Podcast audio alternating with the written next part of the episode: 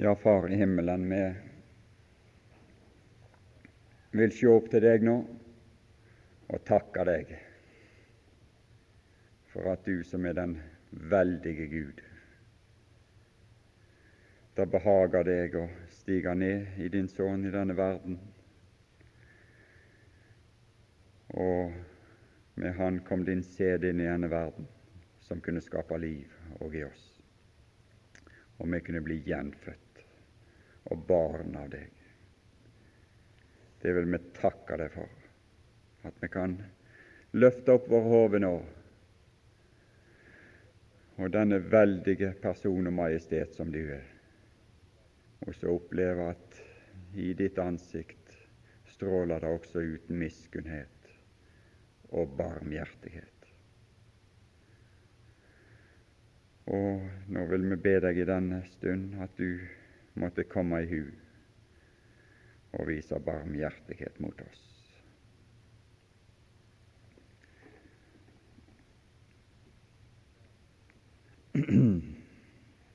Ja, vi skal fortsette litt eh, med den tanken om dette ene huset som eh, opptrer på to plasser. Det er jo litt vanskelig for tanken liksom å forstå akkurat det, men det er nå engang slik og det er slik Gud har tenkt det. I Hebreabrevet 3,6 så står det om Kristus som sønn over hans hus.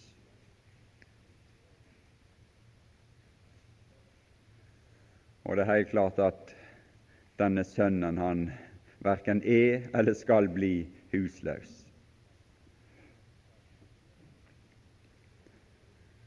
Han opererer i dette hus, helt uavhengig av hva vi finner på, eller hva vi gjør, eller hvordan vi oppfører oss i denne verden, så er det en, et hus for hans sønn der han er. Det er totalt uavhengig av om alle de som bekjente hans navn i denne verden, ikke brydde seg om han, om du kan si det sånn om det går an å si det slik, så ville Hans hus være der. I sin helligdom, i sin herlighet. Og han han er kronet med herlighet og ære. Denne mann som høster vanære i denne verden, er kronet med ære. Og denne mann om den de sa at han hadde ingen herlighet. Han er kronet med herlighet, og det skal aldri tas ifra han, og aldri forringes. Den er. den er der. Den er der. Og det som er det store budskapet, det er at dette hus med Han som er kronet med herlighet og ære, er tilgjengelig for meg og deg. Men det er tilgjengelig for meg og deg på en eneste måte ved tro. Så kan denne herlighet sjåast av oss. Vi ser ikke I, i, i kapittel 2 og vers 8 så står det om ting vi ikke ser. Og Det kan være et stort problem for oss. om Vi skal komme til denne profeten Habakuk. Og Det var just dette han ikke så, det som står her i kapittel 2 og vers 8. Vi ser ennå ikke at alle ting er han underlagt. Han betrakter seg og så han betrakta forholdene rundt i verden. Ja, Han så iblant hedningene, der var det nå slett ikke ting som var Gud underlagt. Men det var ikke engang underlagt iblant hans eget folk. Tilstandene var av en slik art der at det var ingenting som minner om at hans eget folk var han underlagt en gang. Så ille var det når denne profeten trengte seg fram og inn på Gud og klaga sin nød innenfor Guds ansikt. Da hadde han vært ute og sett Da hadde han vært ute og betrakta, men der inne fikk han se noe annet. Men den som var gjort lite ringere enn englene, Jesus, han ser vi kronet med herlighet og ære. Og så skal det åpenbares òg en dag at alle ting er Han underlagt. Men det venter han på, står det i kapittel 10. Han venter på denne dag. Han venter på denne dag. Og vi må vente på det synet, står det i, Habakuk 2. Det synet må vi òg vente på. Vi lytt finne oss i, som Jesus sjøl nå i kapittel 10 venter. Han venter på at alle hans fiender skal legges til skammel for hans føtter så lyt vi også vente på dette syn i Hebreabrevet 2,8, at vi ser at alle ting er Han underlagt. Men synet skal komme. Det, derom er det ingen tvil. Det skal komme, og det skal komme snart.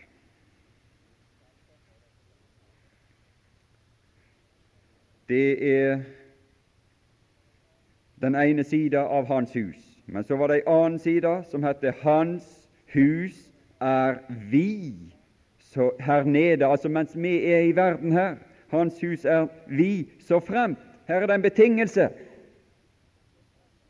Så fremt vi holder vår frimodighet og det håp som vi roser oss av, fast inntil enden. Det var betinget av en frimodighet. Hans hus som en, om du kan si det, som en synlig sak på denne jordens overflate, var betinget av bl.a. her en frimodighet. Og det er et sterkt avgjørende behov for den frimodighet. Og den frimodighet skulle være av en vedvarende karakter. Den skulle holdes fast inntil enden. Inntil den dagen kommer når vi ser at alle ting er Han underlagt. Men mens vi venter på den dagen at vi ser at alle ting er Han underlagt, så er vi i sterkt behov av denne frimodighet. For karakteren av all tjeneste for Gud og all virksomhet for Gud og alt det som er Gud velbehagelig, det er at det er utholdende. Det er vedvarende. Det ser vi når vi kommer i slutten på dette brev, og ut i begynnelsen på kapittel 13. La broderkjærligheten ikke vare i dag og i morgen, men la den bli ved. Alt er vedblivende som har guddommelig karakter og kraft og styrke. Derfor er det at det også står at dere trenger til tålmodighet. Tålmodighet. Det å tåle ting over tid, det. Tålmodighet det kreves krefter, utholdende krefter, som tåler ting over tid. Og Det trenger vi for at dette huset, disse ting er med i behov for at dette huset skal fungere iblant oss på denne jordens overflate, så er det nødvendig med slike krefter, utholdenhet, tålmodighet. Ellers så blir dette huset ingenting av som en, en, en realitet iblant oss. Da må slike ting til. Og Årsaken til at slike ting må ting til, det er ikke bare verden, men det er jo først og fremst oss sjøl. Det er for vi er så rare, og vi har så mange svakheter så de andre må bære over med. Det er jo det som er hovedproblemet. Én ting er verden, ja, men det, det, er to ting det står tale om i Hebreabrevet 12. Når det står tale om rettferdighetens salige frukt. Og Den ene ting er oss iblant, og den andre ting er verden. Og det skal krefter til å ikke la seg fange og ikke la seg oppsluke av verden det skal umåtelige krefter til Og den kraften som gjør at vi ikke går under i verdslighet som troende, at ikke verden fanger oss inn og tar vårt sinn og vår tanke og vårt liv og våre krefter, så vi bruker den på denne verdens ting, så skal det kraft til. Og den kraften må hentes ut ifra en bestemt plass. Og at vi skal tåle hverandre og bære over med hverandre når vi, vi, vi gjør all slags rare ting imot hverandre. Og vi er slik og slik og slik og slik, så trenges det kraft, slik at det ikke skal vokse opp noe som ødelegger, og som sprer seg, står det, om en bitter rot, ikke, som ikke vokser opp og sprer seg og ødelegger, og mange blir ødelagt. Ting blir ødelagt. Dette tempelet, dette huset, dette Guds huset, det, det ser vi i kapittel 12 og, og, og, eh, og um, vers 15. Der ser vi et ting som kan komme inn i dette huset og ødelegge det. Kommer inn i Guds hus iblant oss og ødelegger det. At ikke noen bitter rot skal vokse opp og volde men og mange. Ja, her er noe som utbrer seg lett. Mange blir smittet ved den. Ved den. Bitterheten. Men det er middelmåte. Men det skal kraft til å rydde ut den i mitt sinn. Og den kraften er å hente i dette huset, der det er i sin evige karakter, og der Sønnen er, og der Han sitter kront med herlighet og ære. Og vi må fram dit og vi må være der og opprettholde oss der, så vi kan få den kraft som er i stand til å håndtere bitterheten og ødelegge bitterheten i meg. At bitterheten i meg blir nedkjempa og ødelagt, så ikke den stiger opp ifra meg og ødelegger ved å volde men og utbrer seg ifra meg. Så det er en vei å gå. Den uh, Sønnens tjeneste den er i sin fylde og i sin bredde og i sin kvalitet fremstilt for oss i dette brevet i kapittel etter kapittel. Og den enda ut, hans tjeneste i dette hus, enda ut med at vi har frimodighet i Jesu blod til å stige, til å gå inn i helligdommen. Det er frukten. Så den frimodighet som det står tale om i 3.6, den skaffer han til veie ved sin tjeneste. Og vi ser den i kapittel 10 og vers 19. I kapittel 6 og vers 20 så ser vi, så ser vi Han, så ser vi Sønnen gå inn i helligdommen som en forløper for oss. Han løp inn i helligdommen. Han var i et løp. Han gjennomførte et løp i denne verden. Vi er òg bedt om å komme inn på løpebanen og løpe. Og løpe i den kamp som er oss foresatt. Han kom inn, og han løpte løpet. Og så løpte han sin løp inn i helligdommen, og så gikk han inn bak forhenget i 620 som en løper. Men han gjorde det som en løper som brøt vei, som bana vei, som en forløper for oss, som vi òg skulle bli dratt inn i det samme løp. Komme med, satt inn på den samme løpebanen, begynne med det samme løp, ta del i det samme løp. I kapittel 12 vers 1. Med tålmodighet løpe i den kamp som er oss foresatt i det vi ser på forløperen, i det vi løper etter forløperen, som gikk inn i helligdommen i 620.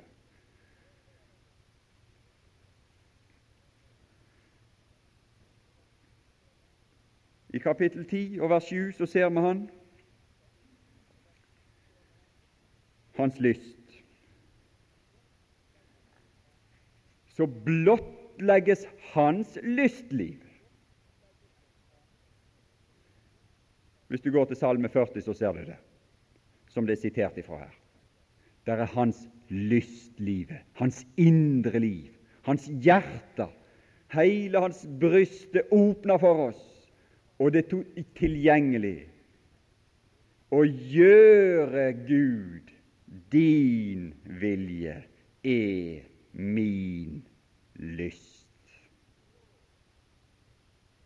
Din lov er i mitt hjerte. Slik er Han. Det er Sønnen. Og her ser vi at han kom inn i verden, og han gjorde denne vilje. Det var hans lyst å gjøre Guds vilje. Og så ser vi frukten av denne vilje. Det er ved denne vilje at vi er helliget ved ofringen av Jesu Kristi legeme en gang for alle. Han gjorde Guds vilje. Men så går vi ut i kapittel 10 og vers 36. Så står det om dere når dere har gjort Guds vilje. Det er ikke bare Han som skal gjøre Guds vilje. Gud har en vilje for meg og deg òg.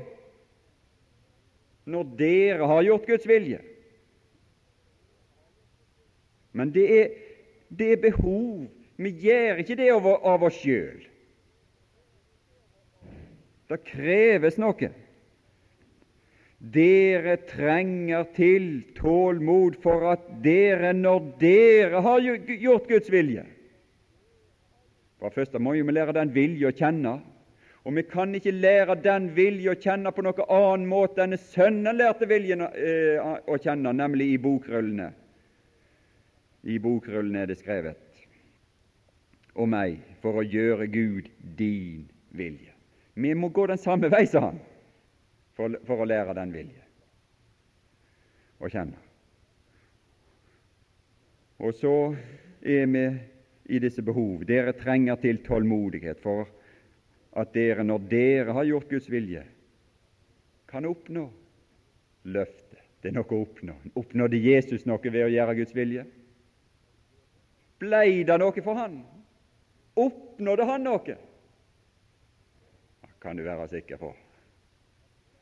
Det kan du være sikker på, at den, når han gikk ut av denne verden og inntok de himmelske helligdommer, når han steg opp av fjellet og for inn i det himmelske, så gikk han inn der berika, rikere enn han kom inn i denne verden. Og han kom inn til ting. Ble, han oppnådde ting, og vi ser han kronet med herlighet og ære. Og vi ser det utvikler et samfunn mellom Faderen og Sønnen som, som, som, er av en ytterligere enda ypperligere på, på, en måte så er det, er det tilført ting gjennom hans lydighet. Skjønt han var sønn, står det, så lærte han. Jesus lærte noe. Kan vi, tenke, kan vi forstå det at han måtte lære noe? Skjønt han var sønn, så lærte han lydighet av det han led. Men så ble han opphav. Så, således lærte han, skjønt han var sønn, lydighet av det han led, og da han var fullendt, så ble han opphav til frelse. Denne lydighet i grunnlaget opphavet til frelse, evig frelse for den som lyder Han. Men det kan hende òg at gjennom din og min lydighet så skulle det gå ut frelse til omgivelsene våre. Det er den samme tanke. Det er Kristus, selvsagt. Det er Sønnen, selvsagt, men det er den samme tanke Gud har for oss. At det skulle utbre seg noe ifra vår lydighet som hadde art og karakter av frelse.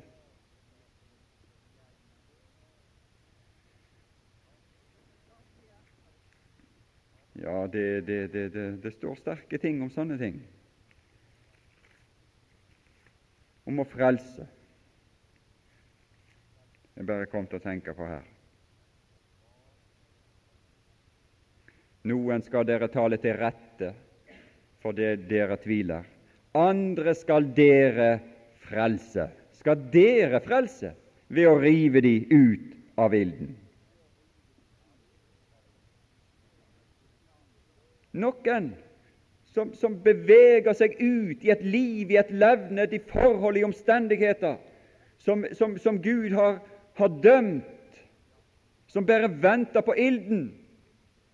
Som Gud har det, det, det ting og forhold og art og innhold som er dømt av Gud allerede i Skriftene. Andre skal dere frelse ved at dere river de ut av ilden. Gå til de og si at dette kan du ikke drive med. Det går ikke an for deg å gå den veien. Gripe fatt i de, drar de tilbake, redder de. Det er noe av den samme karakter.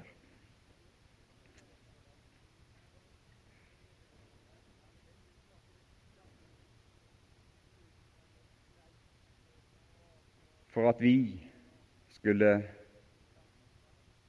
oppnå det som er lovt, oppnå løftet.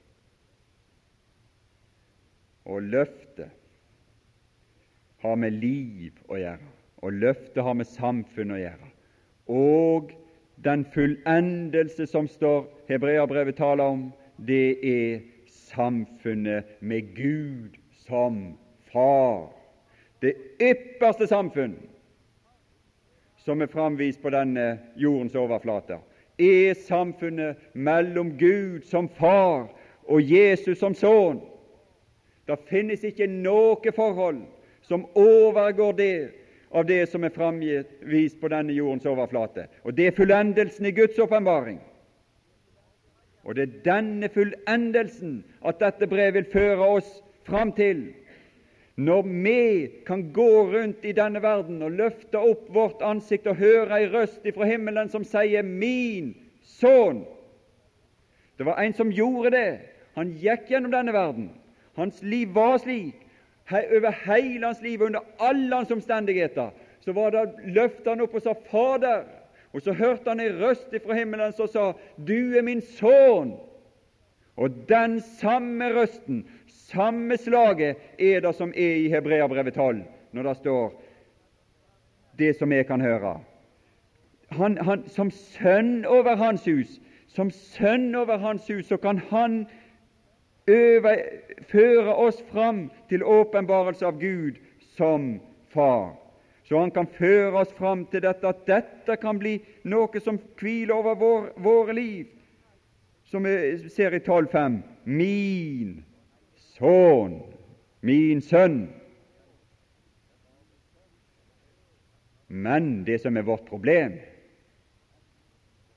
det er jo det at vi har glemt dette, står det her. Problemet er at vi ikke opplever dette.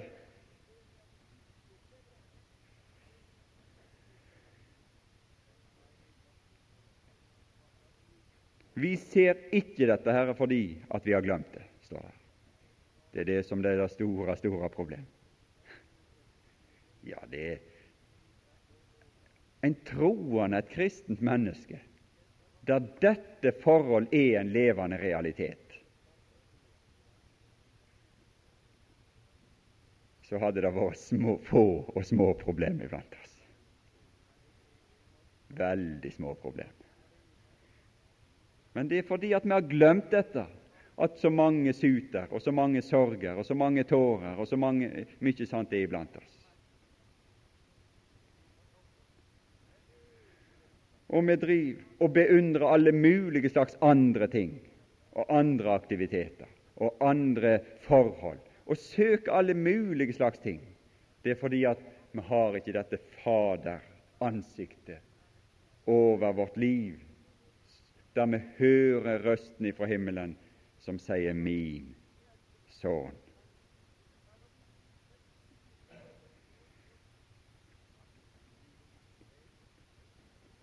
Men det er det som er Sønnens tjeneste i huset, å føre oss fram til dette forhold, og bringe oss inn i dette forhold og i denne sak. Men det kan være det er hardt. Det skjer ikke av seg sjøl. Og det er sterke ord som er talt om denne sak her i Hebreabrevet 12. Og det, vi må gjennom kanskje sterke ting.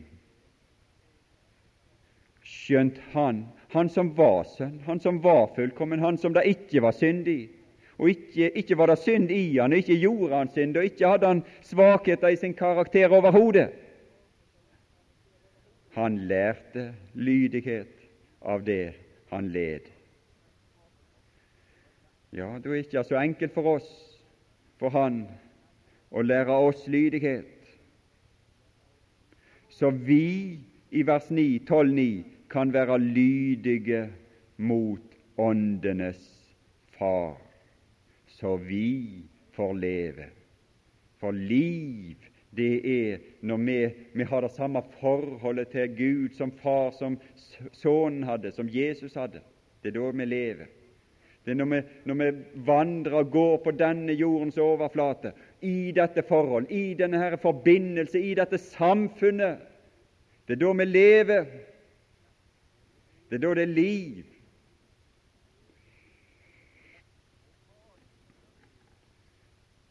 så meget mere være lydige mot Åndenes Far, så vi får leve.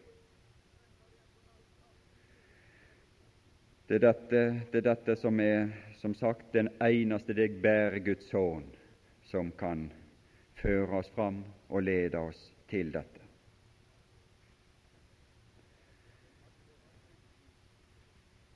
Og denne Guds sønns tjeneste utøves i altså dette hus som er i den evige verden, og som vi har tilgang til og adgang til ved tro, ved troen.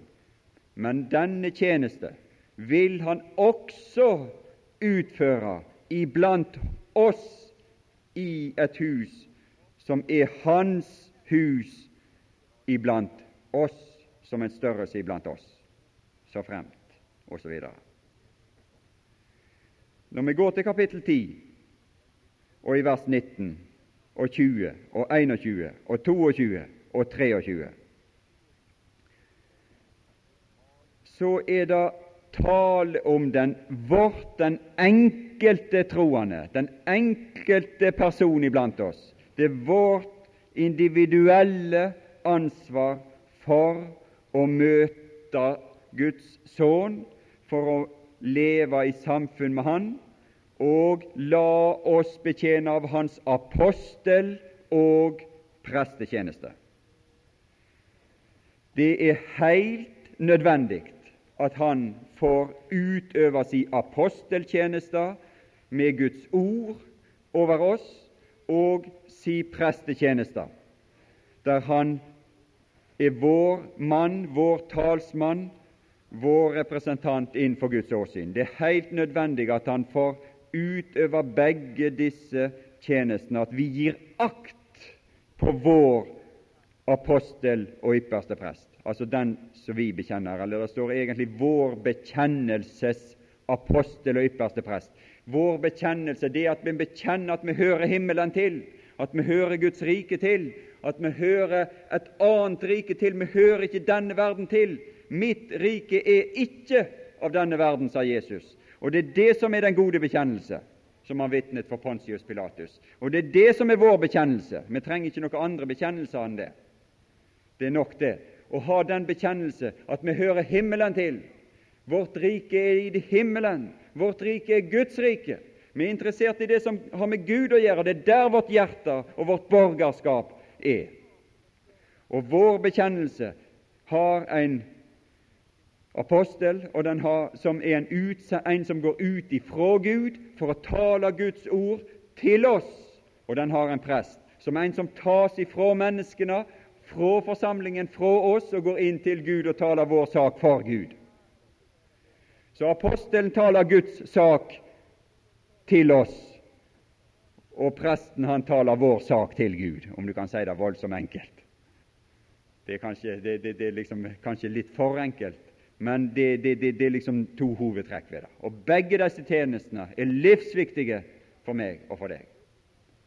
Vi er helt avhengige av de tjenestene, og vi er avhengige av å gå inn i helligdommen og inn i disse forhold her for at vi skal i noen grad og til en viss grad kunne operere med den samme art av tjeneste, nemlig som prester. I ei forsamling, i en sammenheng, i en sammenkomst her nede iblant oss. Ikke bare i en slik møtesammenheng, sånn som nå, eller der som er, er, er i dette vanlige, men også mer sånn i, i personlig samtale når vi møtes. Fordi nemlig, det står her i vers 24, om å gi akt på hverandre så vi oppgløder hverandre til kjærlighet og gode gjerninger. Hvor skal vi få den varmen ifra som skal virke denne glød? Det er lett å si dette. Det er å, det er lett å si at slik må det være iblant oss. Det er noe helt annet å praktisere det slik. For da må det være noe av denne glød. Og den, den, den, den opptennes ikke i oss automatisk. Det må være noe som opptenner denne glød i oss. Og dette ordet 'å oppgløde hverandre' det er et uhyre sterkt ord. Det er nesten slik at det er et sint ord i, sin, i, i, i den måten det er brukt. Det, på, i, I engelsk så står det 'provoke', provosere, om vi vil oversette, eh, oversette til norsk. Og, og, det er et veldig godt uttrykk for det det egentlig står her. Det er et uhyre sterkt ord. Så dere provoserer hverandre til kjærlighet og gode gjerninger. Altså Det, det er for å understreke at hvor livsnødvendig det er òg å utøve ei tjeneste overfor hverandre de ordene som vi har hørt når vi stiger inn i helligdommen, og som apostelen Jesus taler til meg, de ordene skal jeg også bringe videre til andre. De skal først og fremst tale til meg, først og fremst dømme meg sjøl. Først, og fremst er alt naket og bart i mitt liv for hans åsyn. Men det er den samme art og karakter det skal være i, i, i oppgløding og i, i, dette her å formane hverandre til kjærlighet og gode gjerninger, som det står her. Vi må hente ordene som vi skal bruke til dette ifra Han. Vi må inn i helligdommen for å hente det ut. Og så skal vi bruke det på hverandre og mellom hverandre. Kan du lese Judabrev der jeg var så vidt innom i stad? Liksom å tale noen til rette. Det skal gjøres, det. Noen skal tales til rette fordi de går, begynner å gå på ville veier. Noen skal du prøve å berge fordi at de, de, de, de ønsker å gå ut i verden. Vi skal refse hverandre hvis, hvis vi begynner med verdslige ting. Og advare hverandre og formane hverandre. Og gjøre ting oppmerksom. Vi skal ikke liksom godta alt iblant oss må være på vakt.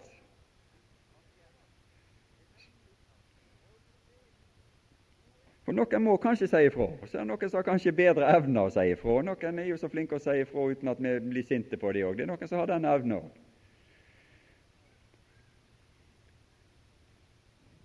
Vi trenger dette. Formane hverandre til kjærlighet og gode gjerninger, og ikke forlate vår egen forsamling, som noen har for skikk, men formaner hverandre.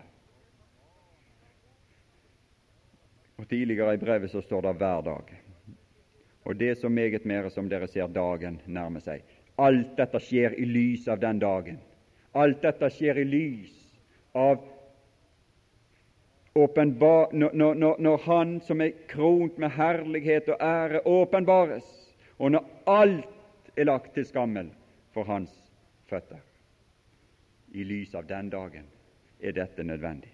Så ikke livet vårt brenner opp, så vi ikke begynner å, å innvik, og infiltrere oss eller liksom eh, blande oss inn i saker og ting og, og, og, og lar oss underholde med alle mulige slags ting i denne verden, så tar tiden og kreftene og hjertene og tankelivet og sinnet ifra oss.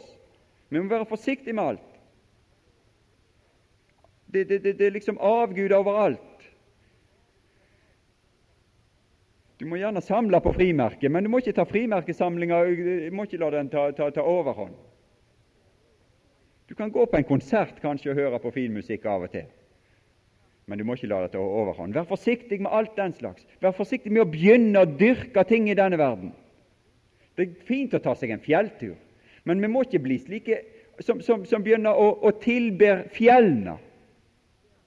Vi skal tilby Han som har lagd fjellene, og det er der vi kan hvile. Folk søker opp i fjellene for å, fjellene for å, liksom, å få hvile og liksom slappe av ifra det, og, og få krefter og sånt.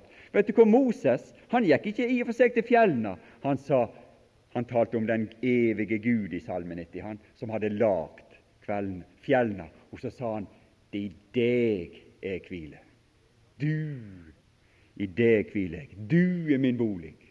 Det er der jeg skal få, få, få, få, få hvile meg ut. I deg, i Gud. Men det er så mange som nøyer seg med å gå opp i de fjellene som Gud har skapt. Men det er ikke nok, det. Det gir ikke noe hvile for evigheten. det. Du må gå videre og fram til den Gud som har skapt alle disse ting, og hvile i Han. Det var der Moses Moses fant ikke sin kraft i fjellene rundt seg i Sinaiørkenen, det kan du være sikker på. Det var en plenty fjell der. Men det var ikke i fjellene han fant sin kraft. Men når han steg opp på fjellet, så var det for å møte Gud.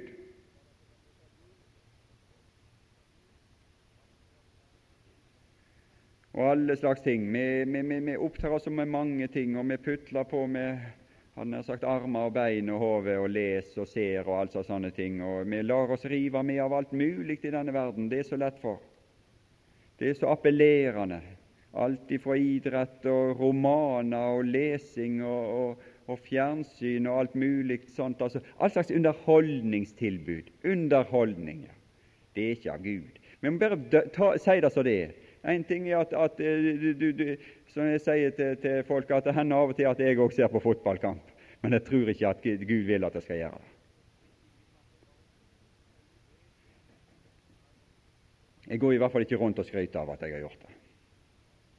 Det er, det er ikke egentlig plassen for oss, det. Det skjønner vi vel alle, gjør ikke vi det? Og Det bør være noe som, som, som sier, når vi liksom bruker tid og krefter på alt sånne unyttige ting, så bør det være noe i oss som sier det at dette er ikke, dette er ikke den egentlige vei. Det blir et utslag av vår svakhet. Det blir et utslag av tomhet i vårt liv som gjør at vi ikke makter annet.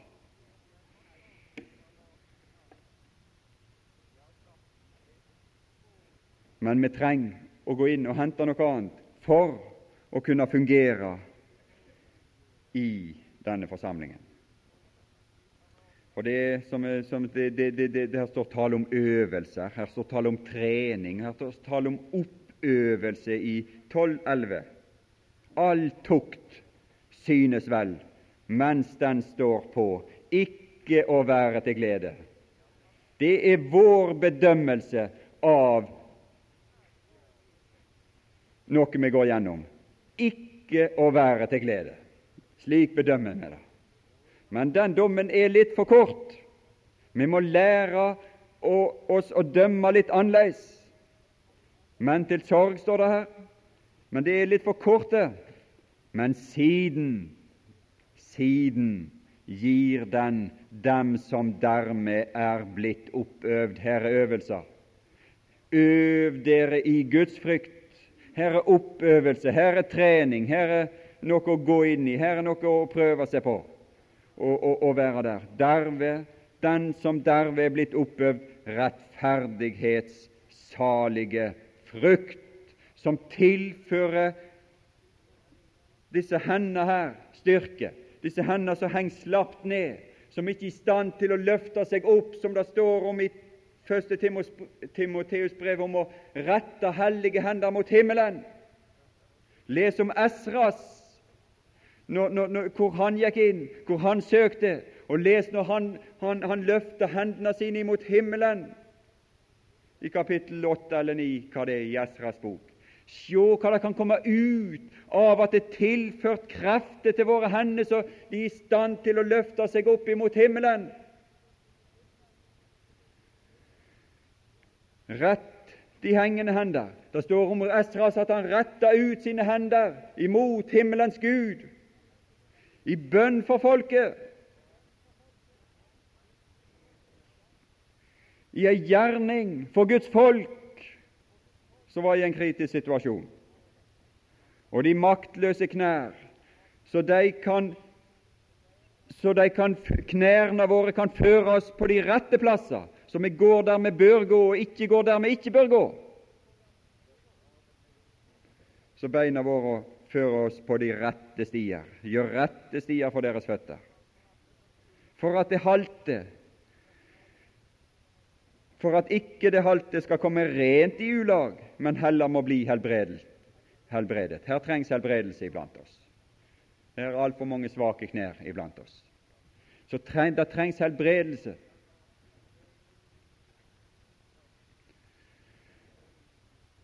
Jag etter fred med alle og etter helliggjørelse, for uten helliggjørelse skal ingen se Herren. Og gi akt på at ikke noen viker tilbake for Guds nåde, at ikke noen bitter rot skal vokse opp og volde men, og mange blir smittet ved den. Det snår vi i stad. Det er helt nødvendig for at vi skal kunne fungere eller gjøre noe som skaper bitterhet i meg. Skal det ingenting til. Og hvor skal jeg gå med det? Jeg må inn til Han og inn og få vekk den bitterheten for at de skal kunne fortsette å fungere sammen, og, og at det kan bli noe godt av det, og ikke en, og at ikke noen er en horkar eller vanhellig som Esau. Disse som lar seg fange av øyeblikkets lyst, øyeblikkets smak,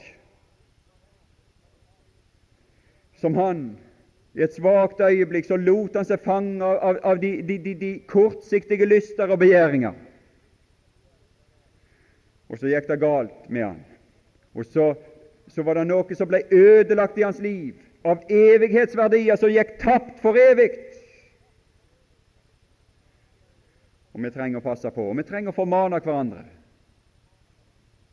Vi trenger å si dette til hverandre så får en eneste rett mat, en smak, en kortsiktig begjæring, et øyeblikks sult, solgte sin første fødselsrett, og så gikk det noe tapt, står det her, for evig.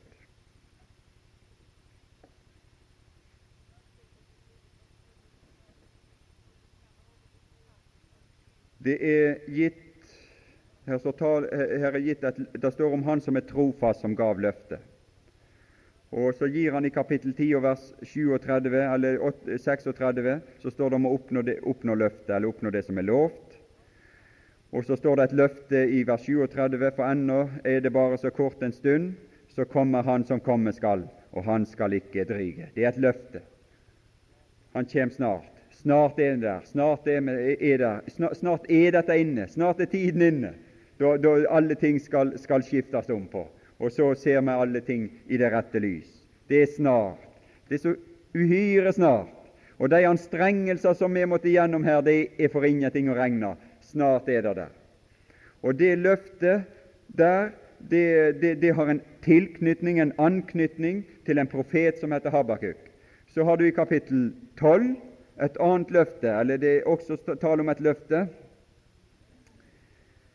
Og, og i vers 26 der står det 'Hans røst rystet den gang jorden', men nå har han lovt og sagt Det er et nytt løfte, altså. Ennu en gang vil jeg ryste ikke bare jorden, men også himmelen.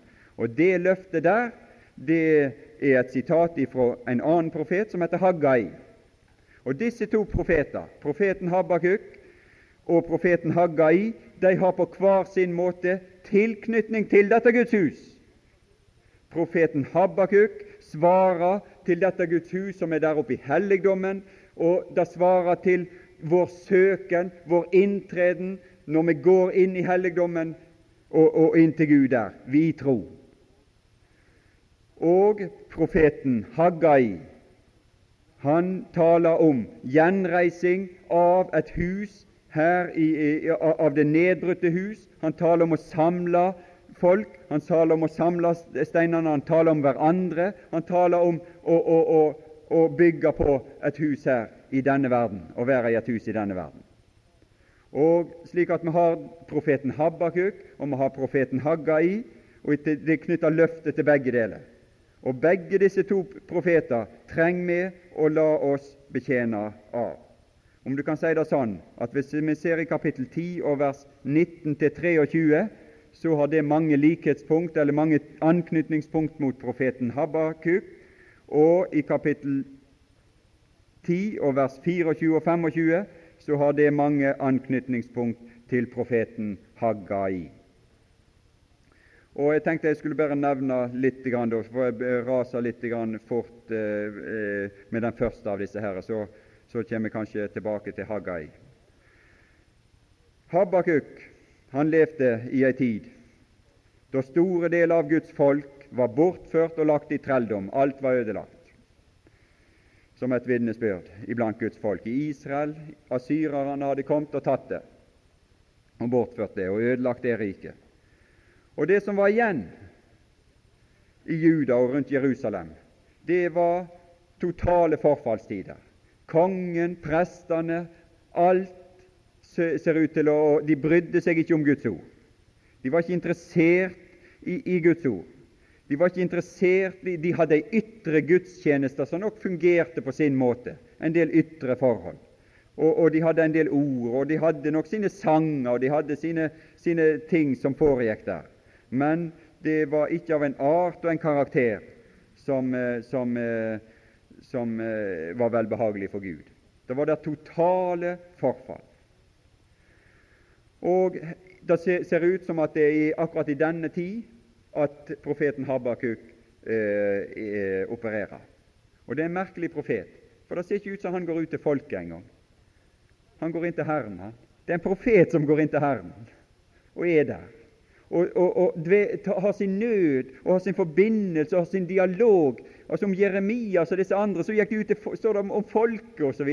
Men akkurat Habakuk Merkelig. Akkurat denne profet står det ingenting om at han gikk ut til noe folk. Men det er det som står beskrevet i profeten Habakuk, det er de samtaler som føres mellom han og Herren. Det, det er når han stiger inn i helligdommen, inn for Gud, og det han får se og oppleve å være der. Og det er den omskapelse som skjer av denne mannen der. Det er det som står her. Dette er det utsagn som profeten Habakuk skuet, står det her. Og dette ordet utsagn det hebraiske ordet for det det innebærer også noe med, av ei byrde, av en tyngsel som er lagt nedover han. For denne mannen var opptatt med Guds folk, og han betrakta Guds folk. Og han var opptatt med situasjonen i Guds folk, og han bar Herrens folk på sitt hjerte. Og det, det var, ble ei tung, tung byrde for han når han så tilstandene. Og han ropa til Gud en klagesang. Hvor er du, Gud? Hvor er du som kan tillate alt dette her? Som kan se på all den elendigheten? Som kan se på alt som foregår i ditt navn?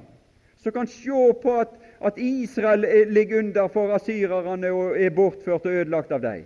Som kan se på at, at, at, de som er igjen her i Juda, her, her, her er det ingenting som fungerer? Hvor er du, Gud, som kan, kan, kan betrakte og se på alt dette her? Og jeg, jeg har gått inn og bedt, og jeg klager for deg over disse tingene, og ingenting skjer.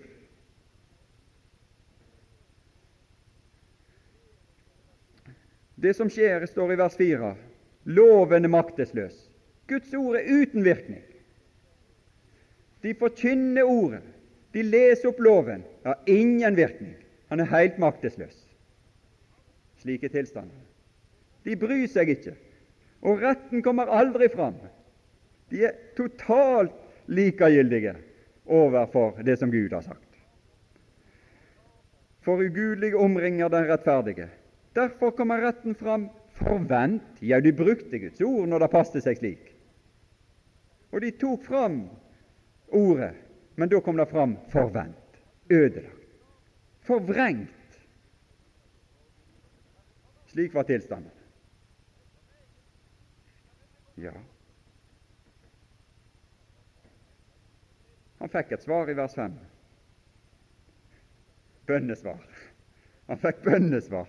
Men du vet, det var helt annerledes enn det han ville, slik han ville ha det. Han, hadde, han ville ha et annet svar, han. Men Gud gav han ikke et annet svar. Gud svarte, men han hadde lyst på et helt annet svar. Og Guds svar er av en slik art at de ikke ville tro, står det her. Dere skulle ikke tro når den ble fortalt.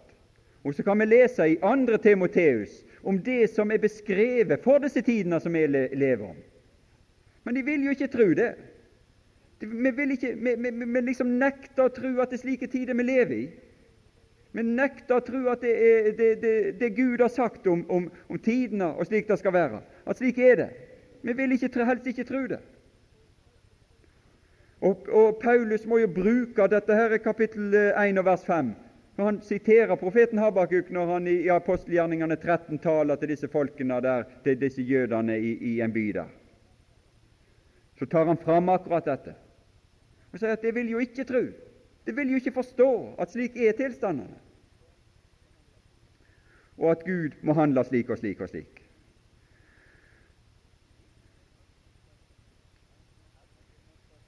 Men uh, han, han fortsetter å være der inne. Når Gud taler om de tider som skal komme, og dette han taler om kaldeerne her som skal reise seg, og som også skal ødelegge det, som er igjen av, av Guds folk, eh, og, og, og, og, legge Jerusalem øde og bortføre folket. Og disse herre, eh, dette folket som, som det står om deres kraft til deres Gud som beundrer seg sjøl, som ser på sine egne krefter, sine egne måter å kjøre dette på, er en veldig beundring for seg sjøl og stoler på seg sjøl og sine, sine ting og det de har bygd opp.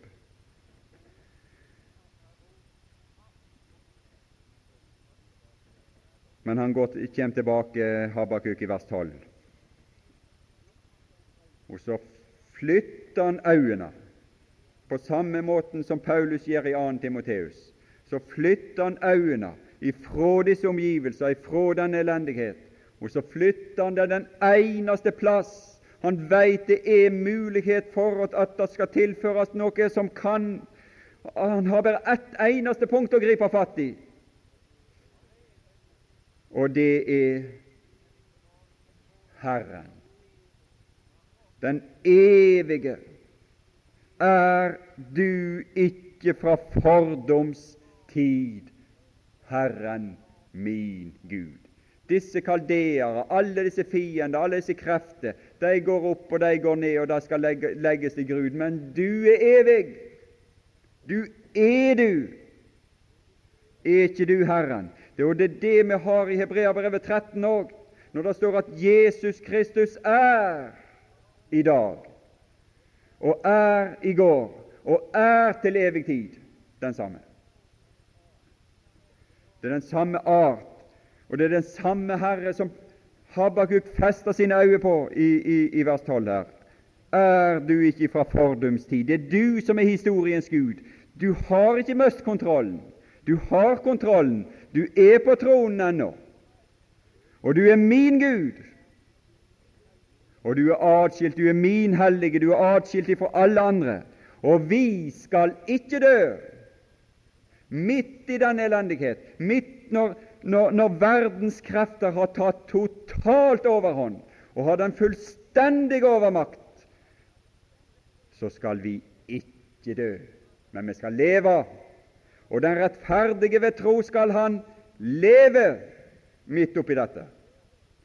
Midt i sånne, i sånne tilstander så skal du kunne utfolde liv. Vi skal ikke dø. Herre, og så ser, du, ser han deg i et annet lys, Herre.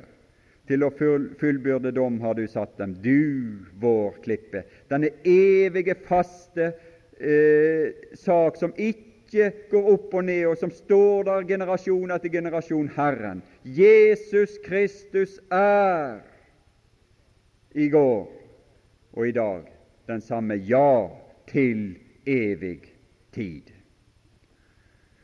Og så får han litt lys over det som skjer både der og da, og det som skal skje framover. Til å straffe har du gitt dem fullmakt. Men han eh, griper liksom Han er ikke helt fornøyd med alt dette her, her og så begynner han å, å, å, å klage seg litt mer. Og så har han denne her Jakobs eh, instinktet i seg i kapittel 2, når han sier 'På min vaktpost vil jeg stå og stille meg på varden', og jeg vil skue ut for å se vel hva han vil tale til meg, og hva jeg skal få til svar på mitt klagemål. Og han nekter å forlate den post før Herren talte til ham. Han griper like som Jakob fast i denne mannen og sier, 'Jeg nekter å slippe. Jeg nekter å forlate deg. Jeg nekter å gå herifra før du har talt, før du sier noe, for du har velsigna meg. Ja, slike gutter det vil gamle Norge ha, sang vi i en, i en sang i gamle dager. Slike vil den evige Gud ha, det kan du være sikker på. At dette er velbehagelig for Gud, slike som griper fatt i Han og sier at her står jeg, her nekter jeg å forlate åstedet før du har talt til meg. Det er vel Jakob elsket jeg. Det er slikt den evige elsker. Og Her trenger vi lære noe av profeten Habakuk å gå inn i helligdommen og inn for Guds åsyn. Og Herren svarte meg og sa, skriv synet opp, og skriv det tydelig på tavlene, så det kan leses med letthet.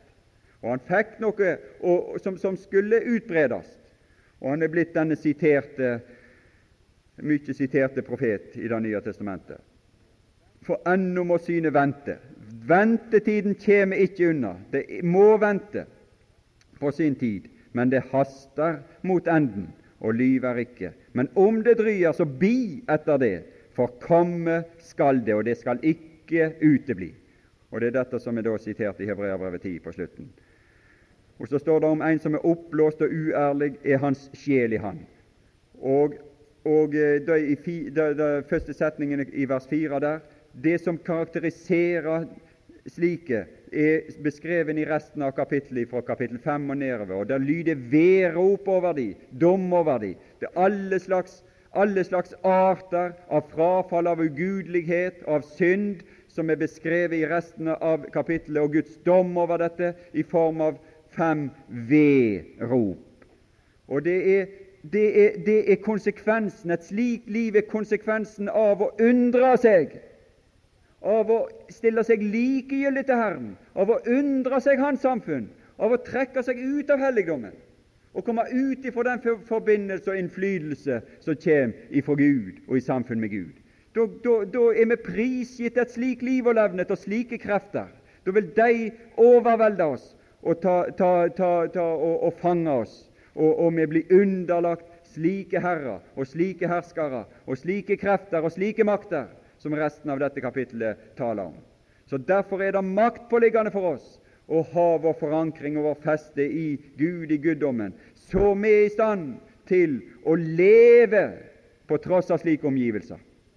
Men dersom hans sjel unndrager seg Og denne sjelen som unndrager seg i, i, i Hebreabrevet 10, det er vel den samme sjel som er, er her i, i Habakuk 2,4, så vidt jeg kan forstå. Jeg vet ikke ellers eh, hvor liksom jeg har, har funnet noe, no, noe, som kan referere til det. Og, og det unndrager seg til ødeleggelse. Og, og her er uttalt vedrop og ødeleggelsesrop over den som unndrager seg. Den sjel som unndrager seg, den blir underlagt og, og underkasta kaldeerne sine krefter og sine, sine makter og det de driver på med. Og det er mye imponerende. Store bygg. Er ikke dette det store Babel som jeg har bygget, var det en som sa. Sjefen for det hele. Ja, men Habakuk fikk et totalt annet syn. I kapittel 3 og vers 13 så ser han det store Babel som jeg har bygget, som Nebukadneser taler om, så ser han ingenting igjen av det. Det avdekker like til halsen, står det. Det fjerner fra jordens overflate. Alt er borte. Slik er det med alt i denne verden og det som kan imponere i denne verden. Og av menneskelige byggverk, enten det er i tanker eller i det ytre, eller i, som påvirker vår sinn eller sjel eller våre drifter eller våre lyster eller, eller hele vår, vår, vårt menneske. Alt som har med denne verden og denne verdens bygning og storhet å, å, å gjøre, det ender i dom. Og det, det, det, det feies vekk. Men han, Habakuk, får åpenbart disse ting, og så får han lært om, som, om, en annen. Men Herren er i sitt hellige tempel, vær stille for Hans åsyn all jorden, i kapittel 2 vers 20. Og inn i det samfunn, og inne der, så formes det en sang, en salme, en lovprisning, som ender i et gigantisk seierskvad, som ender i en seierssang jeg vil juble i min frelses Gud. Han lar meg skride framover mine høyder. Herren, Israels Gud, er min kraft. Klagesangen som han begynte med i vers 1, blir omformet til en jubel- og seiersang i, det siste vers, i de to siste vers. Ja, nei, jeg har visst holdt på altfor lenge, så. Men eh, det kunne være eh, interessant å se på mange enkeltheter i denne, denne salme i kapittel 3 her, for behersker, han behersker alle element. Han taler om elver, om havet, om fjellene, om jorden, om, om alle, alle, disse element her. Han beveger seg utover denne jorden og taler om månen og solen. Han beskriver hvordan Herren stiger fram egenskaper, hvordan han framtreden er, hvordan hans skikkelse er. Og han beskriver hans gjerninger i kraft. Og han, han, han beskriver han hvordan han i harme farer frem over jorden, og i vrede så skal han trede ned folkene. Gud behersker alle ting. Gud behersker folkene. Men så drar han ut til frelse for sitt folk, for sin salvede. Det er bare én. Vi har én som er salvet. Og han venter nå bare at alle hans fiender skal legges til skammel for hans føtter. Du drar ut til frelse for din salvede. Du knuser taket på den ugudeliges hus. Du avdekker grunnvollen like til halsen. Det fjerner alt som denne verdens krefter og makter har bygd opp imellom folkene. Og så er det ett folk som står tilbake, og så er det én salvet som står tilbake. Men jeg vil fryde meg i Herren, jeg vil juble i min frelses Gud. Herren Israels Gud er min kraft han tilfører meg styrke. Armene mine kan lette seg opp, og jeg kan, kan, kan be, løfte hellige hender. Og beina mine tilføres styrke som jeg kan gjøre rette stier for mine føtter. Herren Israels Gud er min kraft, han gjør mine føtter som hindenes og lar meg skride framover mine høyder til sangmesteren med min strengelek. Det er en jubelsang, en lovsang. Herre Jesus, vi takker for disse ting, og jeg får takke for tålmodighet og overbærenhet. Dette ble mange ord, men om et eller annet kunne trenge inn i den enkeltes hjerte og kunne virke som en formaning, en oppmuntring, en tilskyndelse til å leve i ditt samfunn i denne vonde og vanskelige tid. Herre Jesus.